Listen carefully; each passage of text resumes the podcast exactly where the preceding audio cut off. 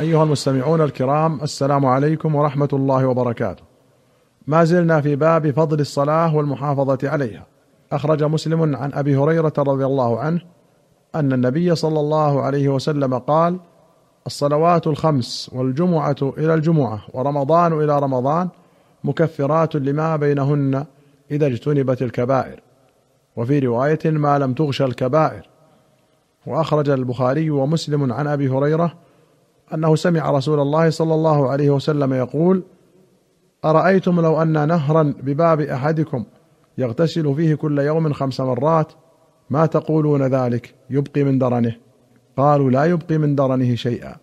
قال فذلك مثل الصلوات الخمس يمحو الله بهن الخطايا. قوله ما تقولون أي ما تظنون. والقول يأتي بمعنى الظن والدرن الوسخ. وأخرج مسلم عن جابر قال قال رسول الله صلى الله عليه وسلم مثل الصلوات الخمس كمثل نهر جار غمر على باب أحدكم يغتسل منه كل يوم خمس مرات. قال الحسن وما يبقي ذلك من الدرن والغمر الكثير لأنه يغمر من دخله ويغطيه ومنه سميت الغمرات. وأخرج مسلم عن أبي أمامة قال بينما رسول الله صلى الله عليه وسلم في المسجد ونحن قعود معه إذ جاءه رجل فقال يا رسول الله إني أصبت حدا فأقمه علي. فسكت عنه رسول الله صلى الله عليه وسلم ثم أعاد فسكت عنه وأقيمت الصلاة. فلما انصرف رسول الله صلى الله عليه وسلم تبعه الرجل فاتبعته أنظر ماذا يرد عليه. فقال له أرأيت حين خرجت من بيتك؟ أليس قد توضأت فأحسنت الوضوء؟ قال بلى. قال ثم شهدت الصلاة معنا؟ قال نعم يا رسول الله. قال فإن الله قد غفر لك حدك أو قال ذنبك. وسيأتي الحديث في باب إقامة الحدود من رواية أنس.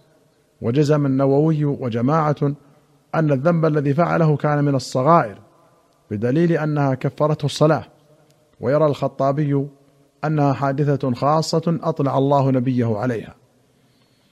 وأخرج مسلم عن جندب ابن عبد الله أن رسول الله صلى الله عليه وسلم قال من صلى الصبح فهو في ذمة الله فلا يطلبنكم الله من ذمته بشيء فإنه من يطلبه من ذمته بشيء يدركه ثم يكبه على وجهه في نار جهنم. قال القاري في المرقاه في ذمة الله أي في عهده وأمانه في الدنيا والآخرة وهذا غير الأمان الذي ثبت بكلمة التوحيد. وفي المصابيح بشيء من ذمته. قيل أي بنقض عهده واخفار ذمته بالتعرض لمن له ذمة أو المراد بالذمة الصلاة الموجبة للامان أي لا تتركوا صلاة الصبح فينتقض به العهد الذي بينكم وبين ربكم فيطلبكم به. قال الطيبي وإنما خص صلاة الصبح لما فيها من الكلفة وأداؤها مظنة خلوص الرجل ومئنة إيمانه أي علامته. وأخرج البخاري ومسلم عن أبي هريرة رضي الله عنه أن رسول الله صلى الله عليه وسلم قال لو يعلم الناس ما في النداء والصف الأول ثم لم يجدوا إلا أن يستهموا عليه لاستهموا ولو يعلمون ما في التهجير لاستبقوا إليه. ولو يعلمون ما في العتمة والصبح لآتوهما ولو حبوا. التهجير هو التبكير إلى كل شيء والمبادرة إليه.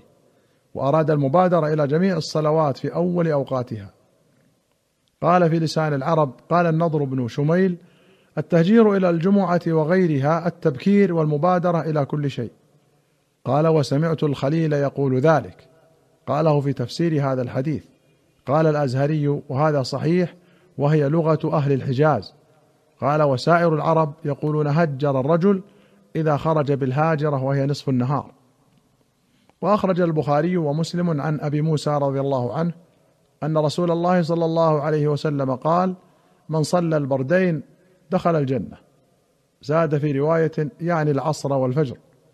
وأخرج مسلم عن عمارة بن رويبة رضي الله عنه قال سمعت رسول الله صلى الله عليه وسلم يقول لن يلج النار أحد صلى قبل طلوع الشمس وقبل غروبها. يعني الفجر والعصر. وأخرج البخاري ومسلم عن ابن عمر أن رسول الله صلى الله عليه وسلم قال الذي تفوته صلاة العصر كأنما وتر أهله وماله.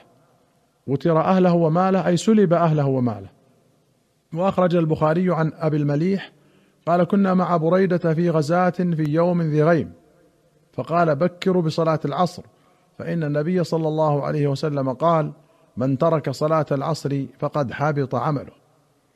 هذا الحديث من أعظم الأدلة على كفر تارك الصلاة نسأل الله العافية. لأنه لا شيء يحبط الأعمال إلا الكفر. قال تعالى ومن يكفر بالإيمان فقد حبط عمله. أما الكبائر فلا تحبط الأعمال. بل الذي فهمه بريدة من تركها المذكور إنما هو التفريط ولهذا أمر بالمبادرة إليها. وفهم الصحابي أولى من فهم غيره. وسبق حديث بريدة الآخر العهد الذي بيننا وبينهم الصلاة فمن تركها فقد كفر. وحديث جابر بين الرجل وبين الشرك والكفر ترك الصلاة. وحديث ابن شقيق العقيلي أن الصحابة مجمعون على كفر تاركها. وأخرج مسلم عن أبي بصرة الغفاري رضي الله عنه قال صلى بنا رسول الله صلى الله عليه وسلم بالمخمص صلاة العصر. فقال إن هذه صلاة عرضت على من كان قبلكم فضيعوها. فمن حافظ عليها كان له أجره مرتين ولا صلاة بعدها حتى يطلع الشاهد والشاهد النجم. المخمص قال النووي هو موضع معروف وقال ياقوت الحموي طريق في جبل عير إلى مكة.